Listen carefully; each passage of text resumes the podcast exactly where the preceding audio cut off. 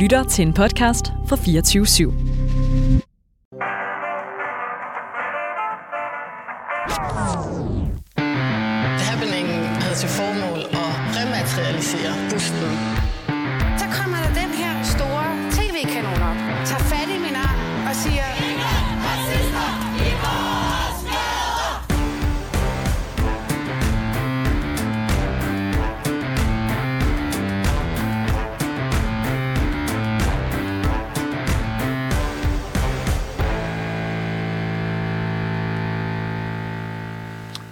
Mit navn er Asger Aumund, og jeg er gæst i programmet Baby og Boomer, og det er mig, der er babyen. Velkommen til. Tak for det. Mit navn er Phyllis Jassar, og øh, ja, det plejer faktisk som regel at være mig, der er babyen. Men øh, ja, du lytter til Danmarks eneste debatprogram kun om identitetspolitik. Jeg har erhvervslederen, jeg vil lige vil sige erhvervspersonen, jeg vil jo ikke antage dit køn, men ja, jeg går ud fra, at du hellere vil blive omtalt som mand. Ja, meget gerne. Du har haft en lang karriere som leder og sidder stadig i en række bestyrelser i forskellige firmaer. Øhm, du har blandt andet været koncerndirektør i Rockwool. Og så har du også øh, været bestyrelsesformand og struktionær i Bavaria Nordic, ikke? Men solgte i 2015 altså alle dine aktier i selskabet og tjente flere hundrede millioner kroner på salget. Du er også en mediepersonlighed, Asger, ikke? fordi du er jo flittig panelist i ja, masser af monopolet, du har lavet tv, og så er du til med en habil debattør og ekspertkommentator, og selvfølgelig foredragsholder. Du er Jane Åmunds bror, gift med Susanne Bjerrehus, og så fyldte du 82 år i februar. Man kan ikke helt se det på dig nu, vil jeg gerne hilse at sige. Øhm, samtidig er du nogens far, morfar, farfar samt oldefar. Du er også en af de få danskere i det her kongerige, som egentlig vil kalde sig selv som Trump-støtter. Jeg er ikke personen som sådan, men hans politik, synes jeg, har været en rigtig god borgerlig vækstpolitik, så, det, så, så personen er jeg ligeglad med. Okay, okay. Fordi allerede der må jeg sige, at øh, du ikke kan være andet end en en essensen af en boomer. Men det vil faktisk være fake news at påpege det, hvis vi nu skulle kopiere et Trump-begreb, fordi du er jo født i 1940. Så udgør du snarere The Silent Generation, eller mellemkrigsgenerationen. I USA øh, er I døbt The Lucky Few, fordi I er så relativt få i antal. I er heldige, selvom I nogle af jer har været født under store økonomiske nedtur i 30'erne og 18. verdenskrig, men så er jeg jo ligesom blevet voksne under en opblomstrende velstandsvækst, som opstod i 50'erne og 60'erne. Nu tager jeg lige sådan en sociologbrille på. Øhm, I er nemlig kendetegnet ved at være pligtopfyldende, lojale og følger instrukser uden for mange kritiske spørgsmål. Men du, Asger, slår mig ikke som en, der er bleg for at have en ja, ukritisk tilgang til tingene. Tværtimod, du har jo din egen blog, øh, hvor du ofte udsender forskellige holdningstilkendegivelser eller dit take på politik og samfund. Du er et borgerligt funderet menneske, øh, men alligevel kunne man i sidste uge læse den her analyse for din pen, og nu citerer jeg. Borgerligheden er død, men socialismen har det nu heller ikke for godt. Konformismen, som er den offentlige menings skraldespand, er dagens venner. Konformismen kræver ikke resultater med fælles holdninger til klima, MeToo, Black Lives Matter, regnbuebevægelsen, de hvide mænds overherredømme. Asger, det må du lige udpensle en gang. Jo, men det er noget, der kendetegner både dansk og international politik, og det er det, som man godt kan dømme for FN-syndromet. Fordi i FN er der 193 nationer, men det er kun de 40 af dem, der er demokratiske retsstater. Og det vil sige, at FN har skiftet meget stærk karakter til at være en organisation, der stort set ikke kan arbejde konstruktivt sammen, men hvor det gælder om at skabe flertal, der kan dominere de andre. Mm. Og det vil sige, for FN's øh, medlemslande er det ikke resultaterne, der tæller, det er konsensus, det er bare det, man kan blive enige om et eller andet. Og det har bredt sig til EU, og det har bredt sig også til det danske folketing. Øh, hvor man kan se, at øh, de borgerlige partier for eksempel, de har ikke stærke mærkesager mere, som de virkelig vil slås for at gå til valg på. De går til valg på det, som man nu kan blive enige om, eller man tror, man kan blive enige om. Så den der med de 90 mandater, konsensus og konformiteten, den hænger over dem alle sammen. Og det er jo også derfor, at statsministeren kan foreslå en regering hen over midten, mm. fordi hun kan jo godt se, at både Venstre og Konservative er blevet en slags lyserøde øh, socialdemokrater, som man kan få til alt, bare der sidder en stærk kvinde og, og styrer det hele. Og øh, det var jo også, hvad Lars Løkke øh, øh, ja. var ude og, og markedsføre op til sidste valg. Så derfor er løbet kørt for, for borgerligheden. Og det er jo også fordi, at når næsten 50 procent af alle voksne danskere er på overførselsindkomst, og der er i hvert fald... Øh, 50 procent? Ja, det er 44 procent helt nøjagtigt efter den seneste opgørelse okay. for Cepos. Og så har vi ovenikøbet også omkring en 20-22 procent, der arbejder for stat og kommune. Og det vil sige, at to tredjedel af befolkningen er meget afhængig af den offentlige sektor og støtter mm. den derfor. Så derfor tanken om, at man kan få en borgerlig regering, der går ind for vækst og øh, reducerede skatter og sådan noget, det er, det kan du godt skyde en hvid pæt. Men alt det, det, det synes jeg ikke fremgår så meget af din definition af den her konformisme. Det er også meget mere det principielle i de her identitetspolitiske temaer.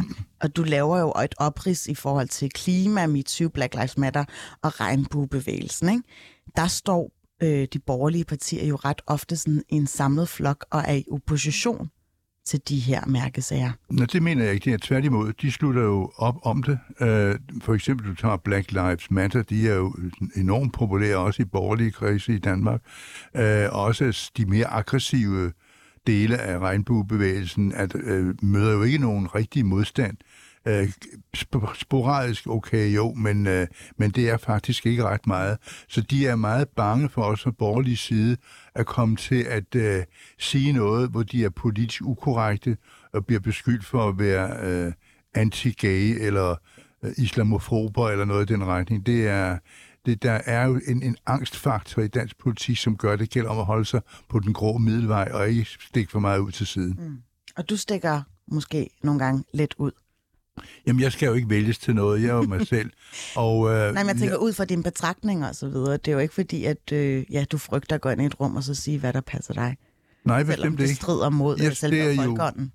Jeg havde et rigtig godt arbejde med den gamle øh, mediemogul Jørgen Sleiman, som jo netop sagde, at frisind er andet og mere end frisind blandt ligesindede. Og øh, det er det, det debat, jeg gerne vil have. At vi kan være uenige, men vi kan tale sammen, og vi kan prøve hinandens øh, holdninger og synspunkter af, men uden at man mobber hinanden, og uden at man bliver øh, fordømmende og straffende, som visse øh, NGO'er er i dag. Mm. Og det er jo faktisk også lidt af det fundament, det her program er bygget på.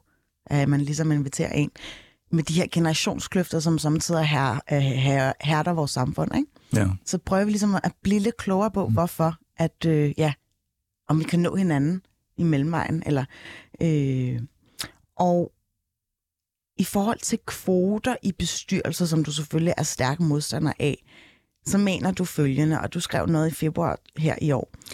Øh, problemet er i virkeligheden, at alt for få kvinder har mod på en karriere, der først efter mange trængsler og hårdt arbejde fører dem ind i direktionslokalerne, hvorfra bestyrelsesmedlemmerne rekrutteres. Og så har du skrevet tidligere faktisk for sidste år, har du skrevet følgende, mænd er villige til at ofre næsten alt for at nå toppen. Kvinderne vil andet og meget mere end karriere. Kvinder vil være noget for jer, deres familie og deres veninder. De vil have tid til kulturelt indhold i deres liv og til social samvær. Kvinder har et mere holistisk krav til livet. Derfor anbringer kvinder sig ikke i toppen. Og øh, er det her en slags sådan anekdotisk bevisførelse, eller hvor har du det helt fra? Fordi øh, din datter er jo Malu Aumund, og hun er jo netop beviset på en, der har lykkes hele vejen ved at arbejde hårdt går ud fra. Så jeg synes, du er lidt tavlig mod hendes køn. Nej, det mener jeg bestemt ikke, fordi øh, nu, hvis du trækker Malu ind i det, så har hun faktisk øh, øh, magtet begge dele fordi hun er både har en fin erhvervskarriere, men hun er meget om sine børn og nu barnebarn, og hun er hjemme og bag boller med dem, og hun gør alt muligt, så hun er til stede i meget høj grad, meget mere end hun ville, hvis hun havde været mand. Nu har jeg været i den situation, at jeg har været med til at, at ansætte rigtig mange kvinder som topchefer og i bestyrelser i ind- og udland. Og jeg ved jo, at kvinder fungerer i en bestyrelse bestemt lige så godt som mænd, hvis de er kvalificerede nok. Mm. Så jeg er en stor tilhænger af kvinder i bestyrelse, fordi faktisk bliver bestyrelsesarbejdet bedre, hvis der både er mænd og kvinder, som er lige kompetente. Ikke hvis de er kommet ind på en eller anden bimbo-kvote, men, men det er min erfaring i hvert fald, Ja. at kvinder har en anden tilgang til problemer og muligheder, end mænd har. Og det der samspil mellem de to køn, som ser lidt forskelligt på det, men som begge to er kompetente i en bestyrelse, det giver altså nogle gode resultater. Mm. Ja, fordi du runder det ligesom af med at sige, at vi andre må trøste os med, at der i helvede findes et særligt sted til kvinder, der hjælper andre kvinder til stillinger, de ikke er kvalificeret til. Og, og det, ja, undskyld mig, men er det ikke lidt en modus, som mænd har praktiseret i flere generationer?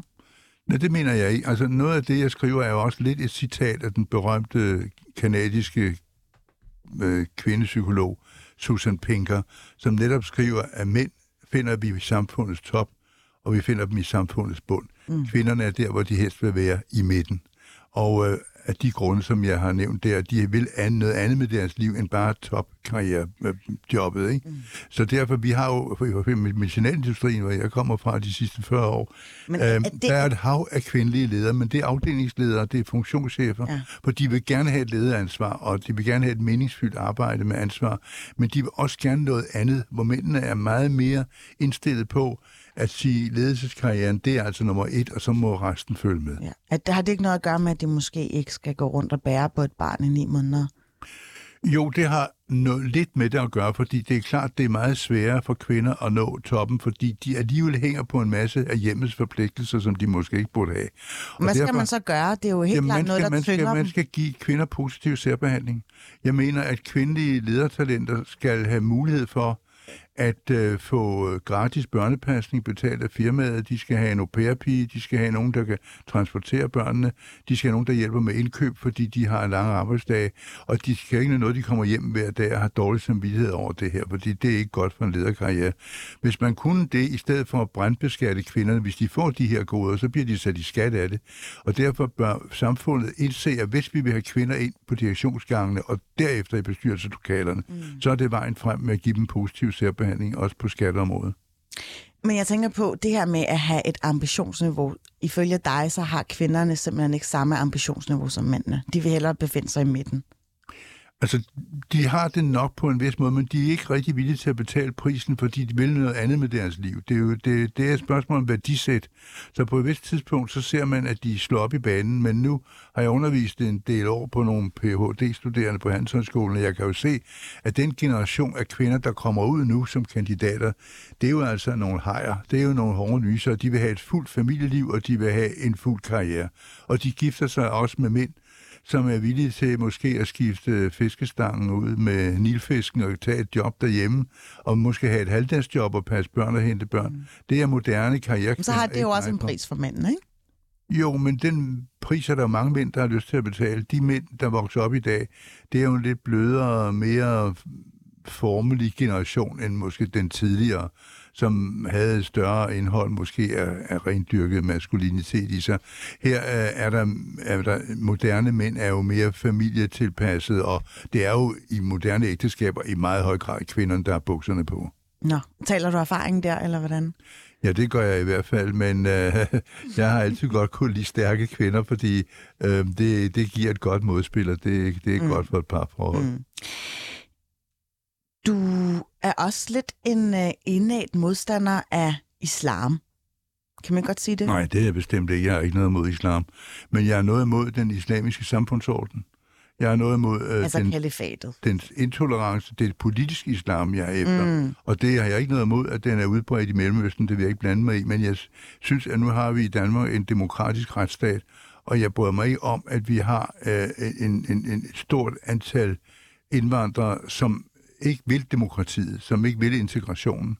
Der er jo lavet en stor undersøgelse fra jeg tror, det var, det var Vilke, der lavede den for Jyllandsposten for få år siden, der viser, at 77 procent af alle migranter og efterkommere med islamisk baggrund vil gerne have grundloven udskiftet med, øh, med, med, med sharia. Og det synes jeg er meget pinligt efter 3-4 generationer, at det ikke er sket. Og det er det, jeg er modstander af. Så jeg synes, når man er indvandrer, så må man ind og også tilpasse landets øh, demokratiske struktur. Jeg har arbejdet et par år i Tyrkiet, og øh, det var på det tidspunkt stadigvæk Hvordan dem- demokrati. du dig så? Men der er også en hel del samfundsnormer, ja. som man må tilpasse sig som, som udlænding, fordi det er kulturen. Og øh, for eksempel fik jeg at vide, da jeg kom, at der ikke, jeg må ikke lave vidigheder om Mustafa Kemal Atatürk, den moderne Tyrkisk, Tyrkiets landsfader, og man må heller ikke lave øh, vidigheder om Mohammed, øh, altså profeten Mohammed, og man skal holde sig fra gifte kvinder, fordi så kommer man ikke fra med livet behold. Og en hel masse andre øh, øh, gode regler, som, som vi kunne tilpasse os. Og jeg synes, danskere er rigtig gode til at tilpasse sig, når de arbejder i udlandet. Og jeg synes også, at man kan forlange, at øh, migranter, der kommer til Danmark, ligesom vi har gjort gennem generationer med ungar og chilener og andre, at de ved, at de skal bo i en demokratisk retsstat og indfinder sig med det. Men du synes simpelthen, at dem, der kommer fra ja, øh, traditionelt muslimske lande, har sværere ved at indordne sig vores øh, demokratiske retsprincip? Jamen, det, det ved vi jo, at, øh, at øh, det, det er svært for dem, fordi jeg kan godt forstå, at hvis du er troende muslim, så skal du tro på, at alles love står over de sekulære love, som bliver lavet i de forskellige lande.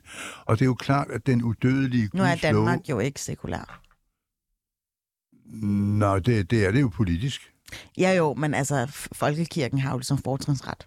Altså, det er jo Nå ja, men det er jo det er, det er et kristent samfund, men det er ikke Mm. noget, der spiller nogen rolle i det politiske arbejde. Men, øh, men, men, og derfor er det jo en hemsko, at man føler, at det er blasfemi, hvis man forlader Allahs hellige love, som ikke bare står i Koranen, men også i de to andre testamenter, Hadith og siger, at, øh, at, øh, så pludselig er man... Øh, så, så, så bliver man en slags antidemokrat, fordi hvis man forlader sit politiske grundlag, som islam foreskriver, øh, så kan du, så er øh, demokrati ikke en option, det er ikke en mulighed. Mm.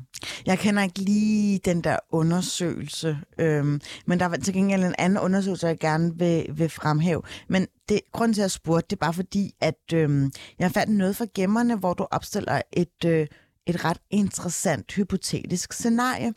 Det kommer her, og jeg læser op igen, ikke? Øh, hvis jeg havnede på anklagebænken i byretten, ville jeg have det fint med, at dommeren bar en, øh, en torsammer, en jødisk kalot eller et kristen kors i knaphullet. Men jeg vil forlange dommeren udskiftet, hvis han bar et slips med et hvede hagekors. Og jeg vil også protestere, hvis jeg stod over for en kvindelig dommer iført et islamisk tørklæde. Jeg har lyst til at sige tillykke, der formår du jo ganske enkelt at sammenligne tørklæde med et nazi-symbol. Det er i hvert fald et, øh, et totalitært symbol. Fordi øh, som den øh, danske imam øh, Abdul Wahid Petersen har sagt, at hvis du bliver muslim, så køber du hele pakken. Du kan ikke gå ind og botanisere i, i, i islam. Det går meget godt for mig. Jamen, det er også fint. Jamen, så, er bliver du også, så er du faktisk også frafalden. Fordi øh, det, man skal købe det hele. Fordi islam er jo både en personkult, og det er en Hvor, totalt... hvor mange muslimer kender du? du må, når du Oh. rejser meget, og jeg tænker, du Jamen, må have jeg kender, en har venneflok. rigtig mange i Tyrkiet, var det, Ja. de er muslimer alle sammen, og jeg har truffet mig. Er de ikke Ja. relativt Jeg har sekulært haft et godt funderet? samarbejde med Nasser Carter, og vi havde faktisk øh, på et vist tidspunkt efter Mohammed-krisen lavet vi en forening, der hed øh, Demokratiske Muslimer. Ja. Øhm, og jeg, der var det mig, der var formand for støtteforeningen. Så, så vi havde jo rigtig mange med, som, øh, som var indstillet på, at de teknisk set var frafaldende, fordi de går ind for den sekulære retsstat, selvom de på det religiøse plan gik ind for de fem mm. religiøse, som eller i, i islam. Mm. Øhm, men det bliver jo ikke anerkendt i de islamiske lande, det kan du simpelthen ikke gøre. Men, men nu er Danmark jo Danmark, og derfor så mm. havde de så taget deres egen version af det. Så, øhm, så, så det, det gik jo sådan set, men det er jo ikke det, der bliver foreskrevet øh, på de, de, de højere steder i islam. Nå, men, øh, men, men hvorfor er det, du laver den der sammenligning? Du siger, det er totalitært. Altså at bære tørklæde, det er simpelthen sammenligneligt med et nazisymbol. Ikke helt sammenlignet, men det, det er i hvert fald et totalitært system, fordi islam er politisk totalitært. Og nu snakker vi ikke religion, for det er lige meget her, men islam er lige Men hvordan meget... har tørklædet noget at gøre med altså, den politiske del af det? Fordi du kan ikke være demokrat og muslim. Fordi hvis du er muslim... Hvordan kan- lavede I så demokratiske muslimer? Fordi der er nogen, der gør vold på det. De, de simpelthen ser sig... De ved godt, de teknisk set er frafaldende. Men, men, øh, men de, de gør det alligevel, fordi de er glade for at bo i Danmark, og de godt kan se, at de vil gerne blive ved med at være troende religiøse muslimer, men de har så kastet det politiske system fra sig, hvad man ikke kan. Fordi øh, der er jo alle islamiske teoretikere og, og topfolk siger jo, at islam er religionen og politik uadskillelige. Det er en del af det samme. Det er fusioneret, fordi det er alt sammen gudgivet og helligt. Og øhm, så er der altså nogen, der har, har valgt at sige, jamen nu bor vi altså her, vi har det her, vores fremtid ligger, og vi kan ikke have et Danmark, som vi tror på skal være under sharia-lov og ikke mm. under en, en demok- demokratisk retsstats bestemmelser. Og derfor har de, er de teknisk frafaldende. Og det er jo blandt andet det, der sker med integrationen, at, øh, at man tilpasser sig strukturen i det land, man, man udvandrer mm. til. Og du synes jo selvfølgelig, at integrationen har været fejlslået i forskellige år. Jamen, det er den jo desværre, fordi øh, hvis du kan se, at USA og Australien er blevet meget velhavende lande på grund af indvandring. Jeg er en stor tilhænger af kompetent indvandring. Men her har samfundet påtaget sig ansvaret for at integrere folk, som måske ikke vil integreres. Og det er derfor, vi sidder med en meget stor del, og det er faktisk en stor del af migranter og deres efterkommere, som ikke enten vil eller kan finde sig til rette på, mm. på arbejdsmarkedet. Hvad er vellykket integration i din bog? Jeg skal bare lige forstå, Jamen, hvad, det er, hvordan man det kan er at man behersker dansk i skrift og tale. Eh, Man bør ikke gerne med accent, men man skal kunne skrive det og tale det. Uh, man skal være selvforsørgende, og man skal acceptere, at Danmark er en sekulær demokratisk retsstat, som man gerne vil bo i. Så er du fuldt integreret, og så er det lige meget, hvad du tror på, og hvad du spiser, og hvordan du bor, mm. og hvem du omgås. Det er bare sjovt, fordi alt det, du opridser der, det minder meget om, om altså, størstedelen af mine muslimske bekendtskaber, venner og veninder, som kan skrive under på den traktat. Så Jamen, det er fint, og så er der jo ingen problemer jeg tror der. måske, at du bare du hænger ud med de forkerte. Nej, jeg tror faktisk, det er dig, der hænger ud med de rigtige. Ja, Fordi du er jo et godt eksempel på, at du kommer til et samfund og øh, bevarer den, du er kulturelt, mm. men at du er over på den demokratiske og retsstatens side og befinder dig godt med det. nu skal du passe på, jeg går ind for et matrikat, så det kan jo godt være, at du trækker i land der. Er hvad? Når man går ind for et matrikat, ligesom jeg gør, så kan det jo godt være, at du synes, jeg er lidt antidemokratisk. Jamen, det kan da godt være demokratisk. Men, men øh, altså, jeg, øh, der er faktisk, nu nævnte du lige det der med Jyllandsposten og den der undersøgelse, ikke? men i en ny rapport, der advarer selve Europarådet, jeg ved godt, du har lidt et kritisk syn også på EU som sådan, men Europarådets racismekommission om stigende diskrimination og hadfulde ytringer rettet mod muslimer i Danmark. Og de skriver angående hadfulde ytringer, bemærker ECRI, som de hedder, med beklagelse, at muslimer i Danmark herunder gæstearbejder personer, der har fået asyl i stigende grad herunder er politikere fra forskellige politiske partier, fremstillet som en trussel mod danske værdier og kultur. Og det synes, finder de så direkte kritisabelt. Jamen, jeg mener ikke, at, øh, at der findes nogen diskrimination mod muslimer i Danmark, fordi de er muslimer. Øhm, tværtimod, de har nøjagtigt samme rettigheder som alle mulige andre øh, danske borgere. Øh, der findes jo en berømt øh, rabbiner og religionsforsker, som nu er død, der hedder Dr. Sachs. Og han sagde noget meget, meget fornuftigt en gang til en stor tale til Europaparlamentet. Han sagde, man er ikke antisemit, fordi man ikke bryder sig om jøder fordi vi jo alle sammen øh, har nogen og noget, vi ikke bryder os om. Men man er antisemit, hvis man vil fratage jøder rettigheder og privilegier, som andre borgere i samfundet har. Retten til livet, til ejendom, til at tro, til at gifte sig med hvem de vil og til at gøre. Og det synes jeg er den rigtige diskrimination på antisemitisme og på islamofobi. Fordi vi kan spørge os selv, har vi ønsket at fratage muslimer, der bor i Danmark, retten til at stemme, retten til at leve, retten til at eje ejendom, retten til at arbejde? Overhovedet ikke. De har nøjagtigt samme rettigheder som danskere. Men øh, Man kan jo så sige ghetto-loven og så videre. hvorfor noget? Altså selve ghetto-loven, det der med at de almene boliger, der skal sælges. Altså det der med at opgøre med parallelt samfundet, som det jo hedder. Ghetto. Jamen, det mener jeg også er forkert, fordi vi andre, der har boet i udlandet, vi klumper os jo også sammen med nogen, vi har det godt sammen med. Mm. Og øh, jeg har boet både i Tyrkiet og i Fjernøsten en hel del år, og når man er der, så øh, søger man, hvem er det, der kulturelt ligner dig? Og så forsøger man at komme til at bo i nærheden af hollænder, englænder og nordmænd, svenskere og måske tyskere og også amerikanere. Og det omgås man også med socialt i første omgang. Og det, det er parallelt samfund. Og det synes jeg er kulturelt forståeligt nok, fordi det er der, man kommer fra, og man vil gerne være sammen med nogen, mm. der ligner en.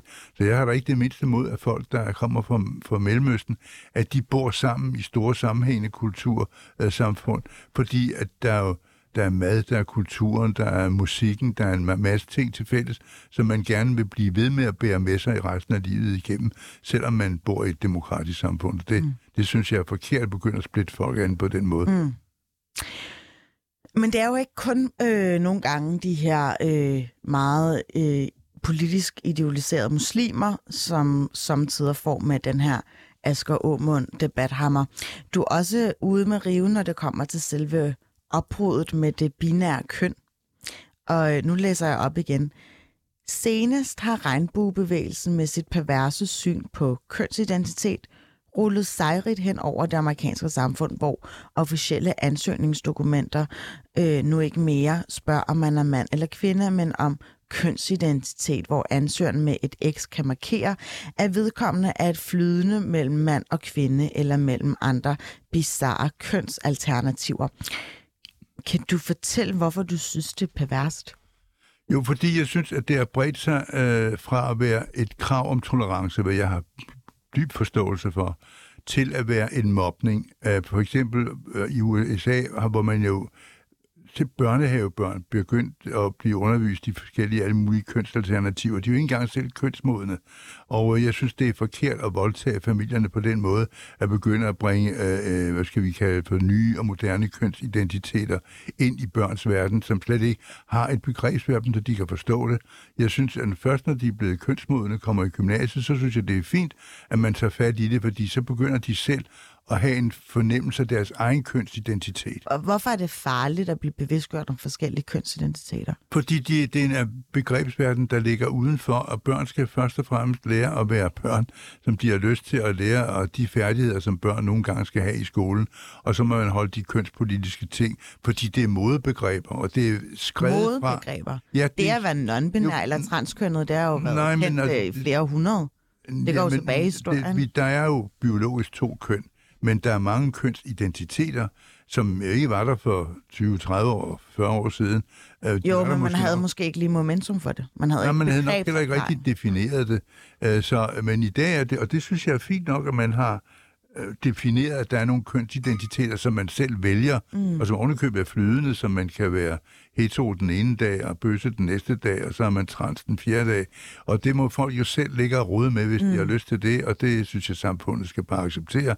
Men jeg synes ikke for eksempel, at man skal øh, voldtage små børn med, med, med, med kønsidentiteter for voksne mennesker, som de overhovedet ikke har noget forhold til. Så det, øh, det må man vente med efter min mening, og man skal lade være med at maste ned over hovedet på dem. Så det er en af de ting, som jeg kritiserer. Mm. Men, men øh, nu taler du meget i forbindelse med, hvad der sker over i Amerika, men, men nu prøver jeg ligesom at tage de danske briller på. Det her med kønsidentiteter, altså der er et opbrud mellem det binære køn. Er det, er det noget, som du synes, at børn bliver voldtaget med os herhjemme? Nej, det tror jeg ikke, det, det er rigtigt. Der, jeg mener ikke, der er noget krav eller måde på vej ind i skolevæsenet på det her, men vi ved jo, det kommer, fordi øh, øh næsten alle bevægelser i USA, blandt andet den nye woke-bevægelse, den kommer jo så hurtigt til Danmark. Øh, for at kultur spreder sig jo hurtigt. Mm. Vi har jo fået mange ting fra USA, ikke? Vi har fået Mickey Mouse, og vi har fået Anders And, og vi har fået hamburger, så vi har fået så mange ting, som vi er glade for. Men det er jo også de negative ting, der breder sig. Man kan jo se på Københavns Universitet, hvor man har forbudt øh, de gamle studenterkarnevaler, som hvor du er udklædt som for eksempel indianer eller mexikaner eller noget andet, fordi det mener man er, er diskriminerende mod øh, andre identiteter og raser, hvad der jo er komplet latterligt. Det er noget, man gør for sjov skyld. Og øh, jeg kan slet ikke se, at det skal ind i en universitetsverden. Men det er med til at ensrette folk. Det er med til også at komme det der i møde, jeg var inde på før. Med Nå, men det kan også godt være, at det er, for at man øh, virker lidt mere øh, mangfoldig og inkluderende, så der er ikke nogen, der føler sig stødt på manchetterne af, at deres kultur ligesom bliver ja, øh, latterliggjort. Jamen, jeg kan ikke se, at man skal blive følt sig latterliggjort, fordi man er klædt ud som mexikaner til en karneval. Det er jo i gamle dage var noget, der hed Kunstnerkarnevalet, der fandt sted i studenterforeninger. Det var et kæmpe brag af en fest, og der var folk jo udklædt som havfruer, Hawaii-piger, og jeg ved ikke hvad, og der var der ikke nogen, der tog nogen som helst uh, anstød af det. Det var bare en sjov aften, og man skal have lov til at vise de her stereotyper mm. en gang imellem. Men handler det ikke om, at de her stereotyper samtidig kan have et ret forvrænget øh, impact på, på selve dem, der har udgør en minoritet, og samtidig har været i, altså rangeret lavere en majoritets en majoritetskultur? Nej, det mener jeg ikke. Det, det der med at lave stereotyper, det gælder jo alle mennesker. Øh, det gælder alle folkeslag. Øh, da jeg boede i Hongkong og rejste i Kina, uh, kunne jeg jo se, at når kineserne skulle uh, karikere uh, vestlige uh, mennesker, altså hvide folk fra Vesten, så udstyrede de dem med en kæmpe papnæse, fordi for kinesere ser hvide mennesker som nogen med nogle kæmpe næser, fordi, og derfor så, så bruger de det som en slags stereotyp beskrivelse af dem. Men det er der ikke nogen, der sidder og bare griner lidt, når man ser en kinesisk film med nogen med store næser, så ved man, at de skal være hvide mennesker. Og, øh, og, og det, det tager folk jo med godt humør, hvis de er vant til det. Så der synes jeg, der skal vi være tolerante og lade være med at sidde og hakke på hinanden og kalde det øh, for, hvad skal vi sige, identitetsfjendtlige stereotyper. Men kan du på en eller anden måde forstå det der med, at når øh, flertallet i et samfund lige pludselig går ind og lukrerer på mindretallets øh, altså udtryk, kulturudtryk, at man går ind og så tager deres udklædnings, altså hvad skal jeg sige, øh, kendetegne ved deres kultur på sig for at gøre krig med det. Det kan jo godt virke lidt anstødeligt. Jamen, det er jo også et, et, et behov hos mange mennesker at være, have en anden identitet. Det er jo derfor, man har karnevalet. Du fryder dig ved et øjeblik, ligesom en skuespiller, at gå ind i en helt anden identitet, som du kan spille på i et par timer eller tre, og næste morgen, så er du Hans Jensen, som du altid har været. Og det mener jeg ikke fornærmer nogen. Så det synes jeg, det lille rollespil skal folk jo have lov til. Mm. Øh, jeg vil gerne lige afspille et klip, som jeg har fundet. Øhm, øh, hvad det hedder? Nu er jeg ikke særlig meget for at øh, ja, øh, introducere Mi, øh, Michael Berlesen, din svigersøn, i samme sam, øh, sammenhæng som med 24 men øh, ja, vi skal lige høre, øh, hvad det går ud på her. Nemlig, det var, da han lavede øh, det her radio i Laret i forbindelse med øh, festival Musik i Laret. Men for nogle dage siden var jeg til middag hos min svigerfar. Og øh, han er simpelthen blevet holdt vågen, og har derfor anskaffet sig en ghettoblaster. Hans plan har været at tage den ghettoblaster, og så tidligt øh, om morgenen næste dag, altså vende ghettoblasteren ind mod det nabohus, der har larmet hele natten, og så har han været ude at købe en særlig CD med den russiske røde hærs kor, som han så vil afspille som hævn mod dem, der har larmet hele natten. Har du set frem til det her i lang tid? Ja, det er jo ikke noget, jeg gør med glæde, men jeg synes, det er en nødvendig påmindelse om, at øh, vi skal være her alle sammen. Og øh, jeg er tolerant og venlig i alle døgnets timer, undtagen efter 11. Så må de også prøve lige at vise hensyn den anden vej. Min nat blev jeg blæst ud af en tung basgang kl. 2.40 midt om natten, ikke? Og jeg tænkte, nu kan det være nok, fordi nu må jeg statuere et eksempel og vise dem, øh, at det går ikke i længden. Det går ikke i længden, og man skal altså ikke forstyrre Asger Aumund øh, efter klokken 11 om aftenen. Den der, altså, det er jo også blevet filmet det her, man kan se, at øh, ja, den her melodi fra den røde her, den ligesom stormer ud af højtalerne, og du står sådan helt selvtilfreds og råber højere og højere. Øh, den her iver efter at gøre lidt oprør, hvor har du fået den fra? Jamen, den tror jeg er biologisk. Det er bare en, det er en del af, af, af mig, fordi man, jeg synes, man skal være, øh, man skal være tolerant og forekommende med andre mennesker. Men man skal også have sine grænser. Og i det her tilfælde, øh, der midt på en varm sommeraften, der ved man jo godt, der er gang i den i haverne og så videre, men efter 12, der må de altså dæmpe sig ned, og, altså folk kan komme til at sove på, men det er dog et, et område, et rekreativt område. Men i det her tilfælde var nabohuset, jeg tror ikke forældrene var hjemme, men der, der var både noget med en 12-15 unge mennesker fra den 14-16 år, og de havde knaldet den af hele natten. Nu blev det jo øh, forstærket ved det, som Michael Bertelsen, han hjalp mig jo med ikke bare en ghettoblaster, men, øh, men med to store koncerthøjtalere, han fik organiseret, så de blev blæst ud af deres senge der klokken 9 om morgenen, når de lå og sov deres brænder derud. Og siden den dag har jeg ikke hørt en lyd derovre fra. Så det hjalp, og øh, så jeg er meget glad for, at jeg foretog den aktion. Også selvom, at øh, det var jo den sommer, hvor coronaen ligesom havde herret, og øh, ja, vi var lige så småt begyndt at komme fri fra coronans klør. Og de her unge mennesker, de havde jo ligesom det forsømte forår, som de skulle indhente. Jamen, det er faktisk rigtigt, det du siger, fordi det var jo i den uge, der var musik i lejet, men det var der så bare ikke det år.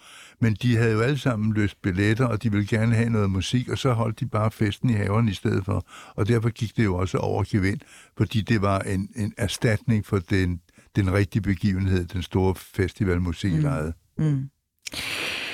Du siger, at det ligger sådan latent biologisk. Altså, øh, hvad er det for et hjem, du kommer fra, hvor man øh, banker i bordet, hvis man har fået nok? Altså, jeg kommer fra en lang, lang række af bønder og arbejdere, øh, så jeg kunne blive kommunistisk statsminister med den baggrund, for det er, det, det er jo den rigtige sociale baggrund at have. Øh, øh, men det øh, blev så også et borgerligt øh, miljø. Min far var udlært øh, typograf, men blev så senere operasanger, og så blev han forretningsmand og startede en stor knækbrødsfabrik og blev sådan forholdsvis velhavende. Øhm, og jeg kom så fra et pænt og, og borgerligt, men tolerant og musikalsk hjem, øh, som, øh, som, som gav mig en meget tryg og, og, og god barndom og nogle gode værdier, som øh, har gjort mig øh, ret øh, følelsesmæssigt robust og kan klare noget, noget, noget modgang.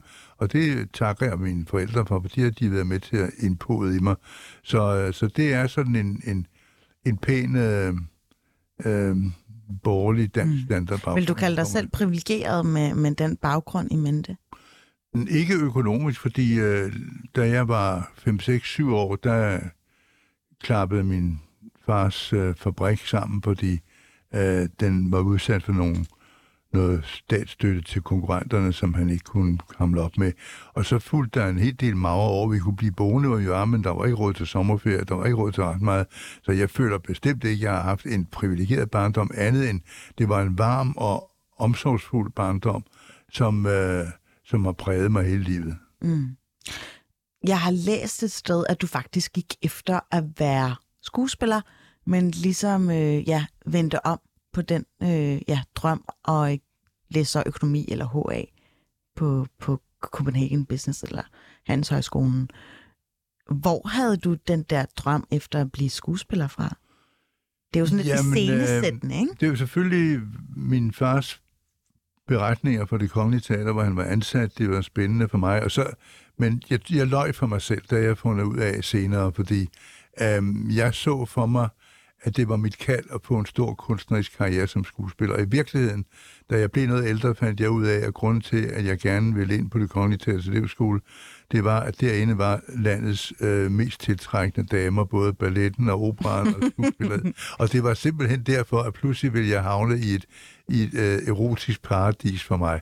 Men det havde jeg jo ikke modet til at erkende for mig selv, da jeg var 19-20 år. Men derfor, da jeg, da jeg så ikke bestod optagelsesprøven, på det kongelige teater, så lagde jeg det fremme og vendte ryggen til det fuldstændig siden, og fik andre interesser. Jeg skulle også ind og være soldat i to år, det skulle man jo ja. dengang. Så da jeg kom ud på den anden side, så ville jeg hellere læse økonomi, fordi der kunne jeg komme ud og rejse og få arbejde i udlandet, hvad der også lykkedes bagefter. Mm. Kan du fortælle lidt om, om da du, du er agent, eller hvad, hvad, hvad, er det, hvad er det, du er uddannet som, altså i militæret? Ja, i, dengang havde flyvevåbnet sine egne kamptropper, mm. fordi man regnede med, at 3. verdenskrig ville begynde med, at russerne smed øh, faldskærmstropper ned over de danske flystationer, og nogen skulle bekæmpe det. Så man havde nogle kamptropper, der hed kubeskadriller, og det blev jeg uddannet til. Så jeg blev værnepligtig sergeant, og uddannet igennem et år øh, på, i den her, øh, på de her kamptrommer. Okay. Og, og og jeg har læst også, at øh, det var meget socialt givende for dig, at øh, jeg læse sammen med øh, forskellige mennesker, som kom med forskellige artede baggrunde. Det har været en gave for mig to ting. For det første min militærtid, og for det andet min tid i udlandet. Fordi der bliver man, øh, hvad skal man sige, socialt rettet til. Man, øh, man, man lærer at, at forstå og være en del af fremmede kulturer, og ikke være intolerant og holde på sit eget. Og for mig var det et kæmpe kulturschok at komme som nyslået student fra et gymnasium i Gentofte og blive smidt ud på, på heden ved Karup og være sammen med smede og bager og landmænd og arbejdere, hvor man simpelthen skulle være sammen i et hold, der arbejdede sammen under meget barske fysiske forhold. Mm. Og det var øh, det, det gav mig en, nogle, nogle sociale, hvad skal vi sige, øh, fordele, som jeg ellers aldrig ville have fået, hvis jeg bare var kommet ind på universitetet. Mm. Så det, det er jeg meget glad for, at det skete. Var du egentlig en del af 68-oprøret? Bestemt ikke. Øhm, jeg kunne godt se, at der var behov for, at der skete en fornyelse på universiteterne. Men at i, i de fleste europæiske universitetsbyer, der gik jo professorerne til modangreb, så det endte med et eller andet kompromis. Men i Danmark øh, sejrede studenterbevægelsen 100 procent. Alle lagde sig fladt ned, og derfor fik man jo de her forfærdelige år op gennem 70'erne, hvor, øh, hvor det var en, en ren munkemarxistisk øh, regime på danske universiteter, som man slet ikke havde i udlandet, hvor man havde kun bremse det i, i, i starten. Havde indført nogle øh, ændringer, som var nødvendige, men i Danmark var det virkelig for meget. Det var blevet sådan en mini-Sovjetunion. Mm. Ser du altså noget, der er på retræte der? Altså sådan som i forhold til den her nye woke-bevægelse, som du kalder det, kan du se nogle øh, ja, overlap fra 68-ånden? Jamen, det kan jeg sagtens, fordi woke-bevægelsen er jo stærk, og den, er, øh, den har medvind, og den er på mode. Og man kan jo se, at i hvert fald de danske universitetsledelser, øh, de, øh, de har lagt sig fladt ned. Og der er, øh, jeg synes ikke, der er den øh, akademiske ryggrad, der skal være, at man gør universiteterne til en, en holdeplads for, øh, for diskussioner og debatter, hvor alle synspunkter er velkomne, øh, uden at man skal mobbe og straffe og udskamme hinanden. Øh, det er, der er ved at være de rigtige meninger og de forkerte, og jeg håber, at man når at bremse det på vejen, men, men, men jeg kan klart se tendenserne. Øh, nu er tiden faktisk lidt til, at vi skal lave den helt hardcore sådan boomer-test, hvor jeg udlægger forskellige øh, ja, øh, principper, øh, og så skal du ligesom erklære dig enig eller uenig, eller mm-hmm. forklare nærmere herom. Og øh, jeg starter med følgende. Klimaet fylder for meget på den politiske dagsorden. Er du enig eller uenig i det? Jamen, det er jeg helt enig i, øh, fordi øh, det er jo ikke bevist endnu på nogen måde videnskabeligt, at den globale opvarmning skyldes udledning af CO2. Så alt det, så FN skriver, øh, øh, hvad det hedder, IPCC, som laver den her øh, rapport, hvor det viser, hvordan øh, to, altså, hvis vi skal Nå, Nå, det- det- to graders stigning, så skal vi ligesom sadle om. Det er bare løgn og latin, eller hvordan? Jamen, det er i hvert fald overdrevet, for der, der er ikke nogen, der har bevist det. Det er jo helt klart, det bliver varmere, eller er blevet nu varmefladet ud. For eksempel altså temperaturen i USA, på bare tage det, den er ikke steget i 90 år. Men der har været en eftervarmeperiode, den lille istid, som man kalder det, den holdt jo op det omkring 1840-50 stykker, og så bliver det varmere efter det. Øh, Men øh, det er jo en naturlig klimaudsving, og det har ikke noget med, med CO2 at gøre. Øh, Så vi kan jo ikke skrue op og ned for CO2 og tro, at så kan vi, øh, så kan vi regulere klimaet på den måde. Der er helt andre stærke kosmiske kræfter. Det vi skal bruge kræfterne til, efter min mening, det er at gøre miljøet bedre, at bekæmpe røg, støj og møg. Der er jo kæmpe forureninger af, af, af, af verdenshavene med plastik og alt muligt, som vi slet ikke gør nok ved. Og der er masser af andre opgaver rundt omkring. Rent drikkevand til ulandene og få Så det, det er et spørgsmål om prioriteter i din optik. Du synes, Ja, det er det. Jeg synes, at at den man, grønne dagsorden, især den i forhold til CO2-reduktionen, jeg går stærkt for ned på en grøn dagsorden, så længe det er en miljøforbedrende dagsorden. Men jeg mener ikke, man kan gøre noget ved den globale temperatur. øh, ved at skrue op og ned for CO2. Det er, det er enorme summer, der skal til. Og man kan også se, at der sker jo ikke noget ved det, fordi øh, der er den ene Kyoto-lignende konference efter den anden, hvor man bliver enige om at reducere CO2-kvoterne, men de stiger og stiger her alligevel hele tiden, og, øh, øh, eller udledningen. Og så, at når politikerne står på de her konferencer, så lover de alt. Når de kommer hjem, så siger de, har vi råd til det her? Og så lader de det stille og roligt køre ud i Og tiden. så vil man jo så agitere for, at det internationale samarbejde aldrig har været så nødvendige, som det er i dag. Hvis man skal ligesom opnå konsensus om, at det her det er en dagsorden, vi alle sammen skal kaste lige mange kræfter i. Jamen, det er en... Øh, det er, det er, man har, man har øh, skudt forkert på skiven, fordi CO2 er jo ikke en giftgas, det er livets gas. Der vil ikke være et grønt blad på jorden uden CO2. Det er jo hele kernen Men du i anerkender, at du fotosyntesen. CO2-forurening helt klart er kommet med al den stigende velstand, som der altså, verden Der har er gennemlevet kommet en stigende 50 år. indhold af CO2 i atmosfæren, det er helt sikkert, men der er ikke nogen, der har kunnet føre videnskabeligt bevis for, at den har afstedkommet temperaturstigninger. Faktisk viser isporinger, man har taget foretaget både i Arktis og Antarktis, som går mange hundrede tusind år tilbage i tiden, at det er det er ikke CO2, der styrer klimaet eller styrer varmen. Det er varmen, der styrer CO2. Først stiger temperaturen, og så stiger 100 år senere, så kommer der en øget CO2 i atmosfæren. Så, Så, så Greta Thunberg, hun står bare og jammer for, ja, Jamen, Ingen verdens nytte. Den, den, er, den er helt gal. Hun er, jeg mener, hun, er, hun, hun har jo også en diagnose, og, men nu er hun jo, derfor kan man da godt have ret alligevel. ja, men altså hun er, det er jo meget hysterisk, det hun går ind for. Det er jo om to år, så går verden under, jeg ved ikke hvad. Altså det er, det er meget, meget langt fra virkeligheden. Mm. Okay, men du er i hvert fald øh, ikke en klimatosse, kan jeg høre på dig, Asger Aumund. Nej, det er jeg bestemt ikke. Jeg har lige fundet et klip, som handler om øh, MeToo, og ja, der kommer lige noget kontekst her ud til lytterne. Er Frank Jensen så simpelthen blevet dømt ved en folkedomstol? Ja, det synes jeg. Øh, Jeg synes, det er sådan en ubehagelig krænkelsesarkeologisk bølge, der ruller hen over os i øjeblikket, hvor gamle ting bliver gravet frem og pusset op og kastet ud til pressen, som jo øh, ikke kan få nok af den her heksejagt, de holder jo aldrig op. Og jeg synes, den slags ting klarer man indendørs. Altså, hvis det er sådan, at Frank Jensen, som så mange andre måske har haft lidt for flittige hænder til, til julefrokostdansen, så er det noget, man klarer indendørs, enten med en undskyldning, eller også så må andre lige sørge for, at der bliver rettet op på det. Det er ikke noget, der skal kastes ud til en større offentlighed, efter min mening. Så det, jeg synes ikke, det er systemisk, som er det nye øh, modeord, øh, det er rundt omkring på arbejdspladserne. Jeg har været i dansk og international industri i 40 år. Jeg har aldrig oplevet nogen krænkelsesting, som vi ikke kunne klare indendørs øh, diskret, og sådan er alt faldt på plads. Og det, sådan burde det også have været i Frank Jensens vedkommende. Ja, Frank Jensen blev jo nærmest øh, undsaget sig sin øh, ja, overborgmesterpost her, fordi han simpelthen blev forfulgt, vil du mene, ikke? Nej, man havde jo også kvaret sig, det må man jo nok sige. Man kan jo ikke øh, imitere kvindelige medarbejdere ud på dansegulvet, og så begynder at slække dem i ørerne og tage Du dem sagde på lårene. fingre.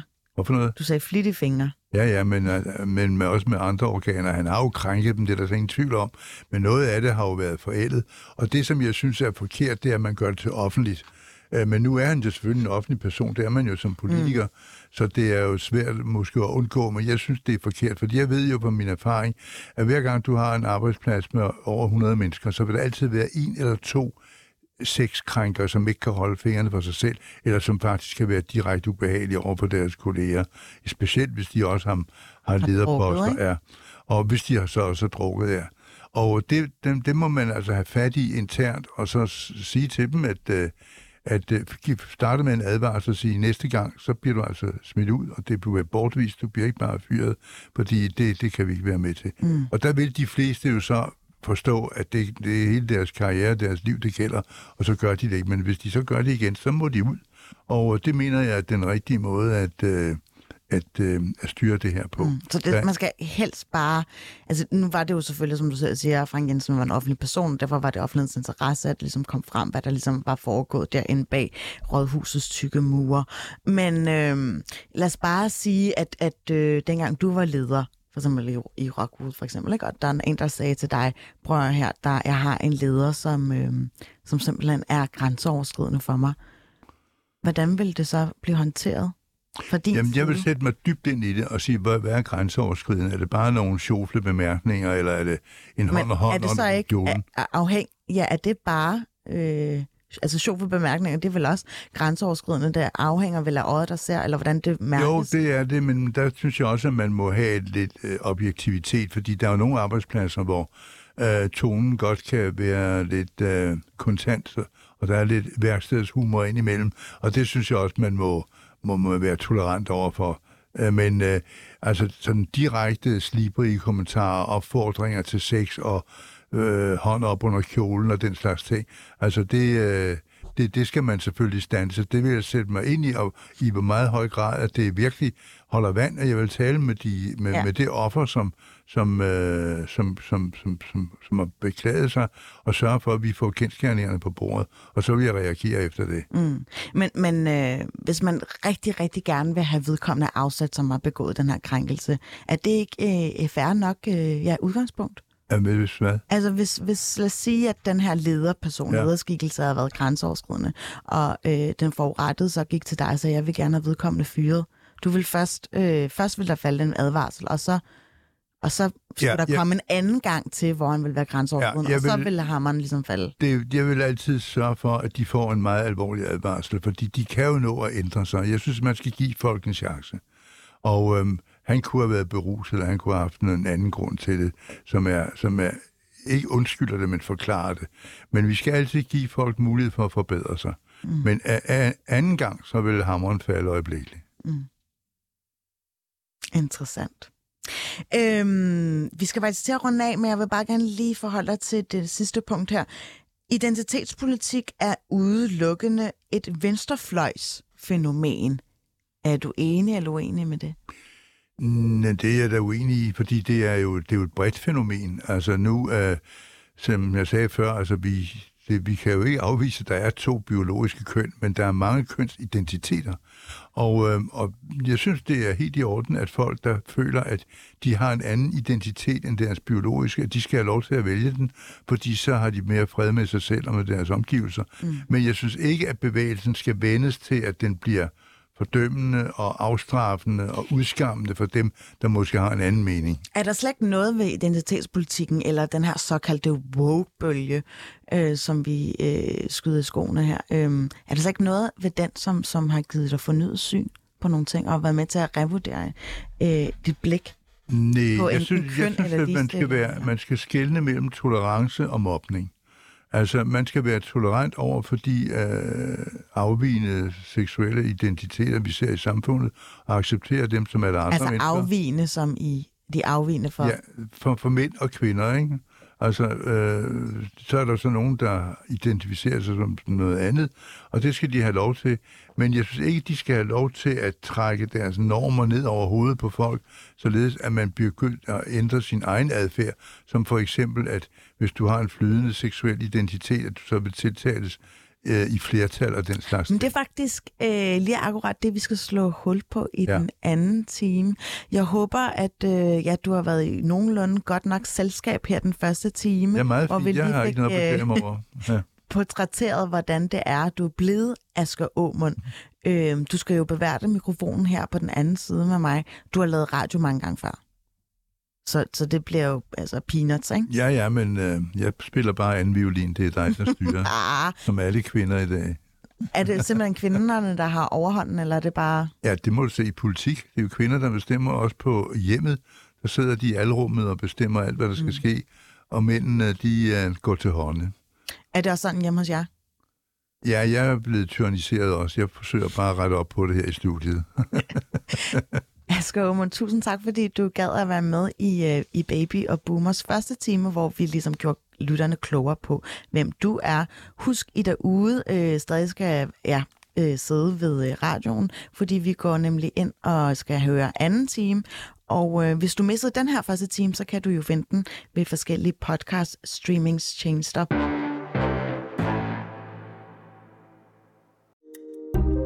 Kære lytter, du har lyttet til et program fra 24 /7. Du kan finde meget mere modig, nysgerrig og magtkritisk taleradio på 24 7 appen Hent den i App Store og Google Play.